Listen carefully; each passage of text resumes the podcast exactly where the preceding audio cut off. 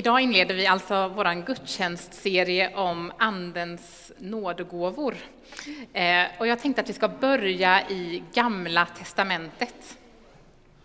Under Gamla testamentets tid var det nämligen så att det här med den helige anden, det var bara för några få. Och det betydde att de allra flesta inte kunde ha den där nära kontakten med Gud som, som vi kanske är vana vid. Det var för några få utvalda bara. Men så händer det någonting. Profeterna, som det står berättat om i Gamla testamentet, de hade den här speciella nära relationen med Gud. De börjar prata om ett nytt förbund. Alltså en ny relation mellan människor och Gud, där det liksom gäller andra regler än de man var vana vid. Så går det några hundra år och så kommer Jesus. Och han predikar ett budskap som liksom bygger på att alla människor, oavsett vem du är, så är du välkommen till Gud. Och du kan ha en relation med Gud tack vare en hjälpare. Ingen fattar vad Jesus pratar om. Men de judiska ledarna tycker att det där som Jesus pratar om och hela den här situationen med Jesus, det känns hotfullt så man bestämmer sig för att försöka få Jesus avrättad. Och så blir det också en påsk i Jerusalem. Men tre dagar senare så uppstår Jesus. Och han fortsätter att prata om den här hjälparen som ska komma. Om anden som ska komma och fylla varje kristen. Och ingen fattar fortfarande någonting. Och så efter 40 dagar så försvinner Jesus upp till himmelen. Förvirringen bland lärjungarna är total och de bestämmer sig för att ligga lågt ett tag. Tio dagar senare så är man ändå samlade. Man är gömda tillsammans och då plötsligt så kommer eldslågor och sätter sig på dem. Helt plötsligt så kommer den här anden, den här hjälparen som Jesus har utlovat. Och anden fyller lärjungarna som är i det här rummet. Men det märker man även de kommande dagarna och veckorna och åren. Anden fyller inte bara dem. De fyller inte bara judarna som man kanske hade kunnat förvänta sig, utan anden fyller alla som tror.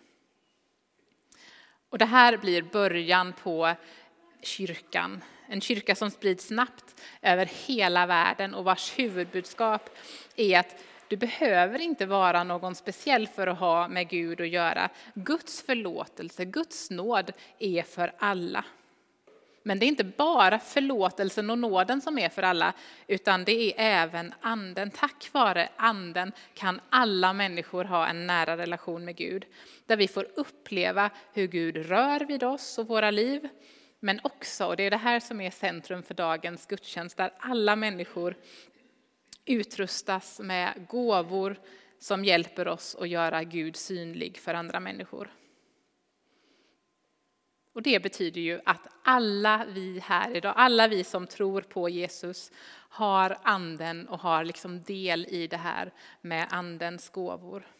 Alltså det där som listades, både den här bibeltexten och andra bibeltexter, helandets, tröstens, tungotalets och tungotalstydandets, det profetiska tjänandets, undervisningen, barmhärtighetens gåvor och så vidare och så vidare och så vidare. Och vi får de här gåvorna inte för att vi ska liksom glänsa och bli beundrade, utan för att vi ska kunna hjälpa andra människor.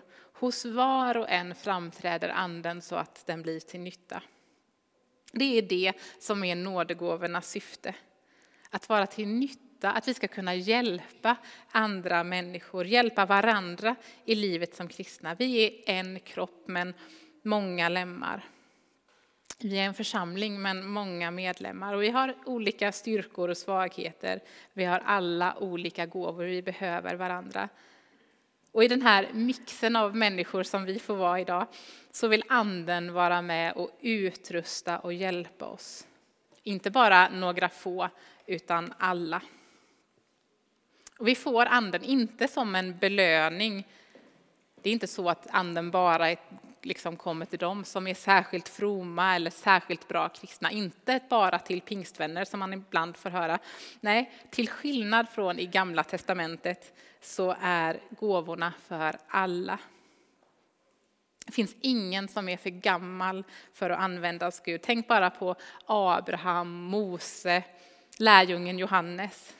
Och så kan du, nu vänder jag mig till bänkarna här framme, man kan inte heller vara för ung. Tänk på David, på Samuel, på Maria. Och lika lite som din ålder kan vara ett hinder för Gud att verka i och genom dig, så är, finns det ingenting i din liksom personlighet eller misstag i ditt förflutna kanske, eller som du har gjort mer nyligen, eller något annat som kan diskvalificera dig. Nyckelordet när det gäller Andens gåvor är kärlek. Det är med kärlek som de ska användas. Och därför behöver vi inte känna obehag eller rädsla kopplat till dem, åtminstone inte om de används på rätt sätt. För tyvärr händer det ju att de missbrukas ibland. Men Paulus han är jättetydlig när han undervisar de kristna i Korint. Nådegåvorna ska användas i kärlek och vi ska använda dem för att hjälpa varandra. Och därför tror jag att det ganska ofta är i gemenskap med andra människor som vi upptäcker dem. Till, till exempel när vi ber för andra människor. Det är då som Gud griper in och helar den som är sjuk eller talar till en annan människa genom oss. Det hade såklart varit skönt om vi liksom i förväg kunde veta att vi hade en viss gåva och att Gud definitivt skulle handla genom oss. Men ofta så kommer de här gåvorna i stunden när vi tar det där steget i tro. Och ofta handlar det om att vi behöver göra oss tillgängliga för anden. Ta det där steget. Så min uppmuntran till er här idag, det får bli att våga. Hur gör man då när man längtar efter en gåva? Det pratade jag om, för jag höll den här predikan då när det var tema nådens gåvor. Men om du inte var här eller om du hade somnat till i bänken så tänker jag att nu tar vi det en gång till, för jag tycker att det här är viktigt. För det första, berätta för Gud, var ärlig med Gud med vad du längtar efter. Man kan be Gud konkret att få en gåva. Nu vaknade alla, nu hör ni! nu är det ingen som sitter och sover i bänkarna. Ehm, ja, be Gud om en gåva, var konkret och berätta för honom vad du längtar efter. Och för det andra, testa.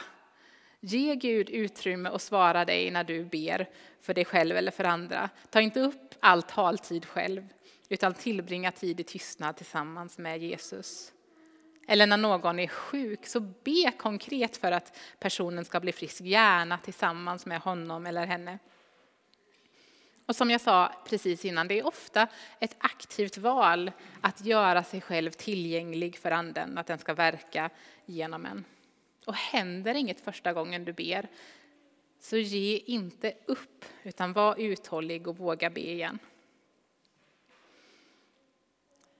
Vi har nu gått in närmare slutet på vår gudstjänst där vi ska gå in i en stund av bön och av tillbedjan. Där det kommer finnas möjlighet för den som vill att söka upp Anton som kommer stå framme vid ljusbäraren, tror jag, här på sidan. Och smörja med olja. Då får man ett litet korstecken i pannan eh, av olja och så en kort välsignelsebön bädd över sig. Kanske finns det en gåva som du längtar efter att fungera i. Eller så finns det ingen specifik gåva, så kan det också vara, men en längtan att få mer av Jesus, att få leva närmare honom.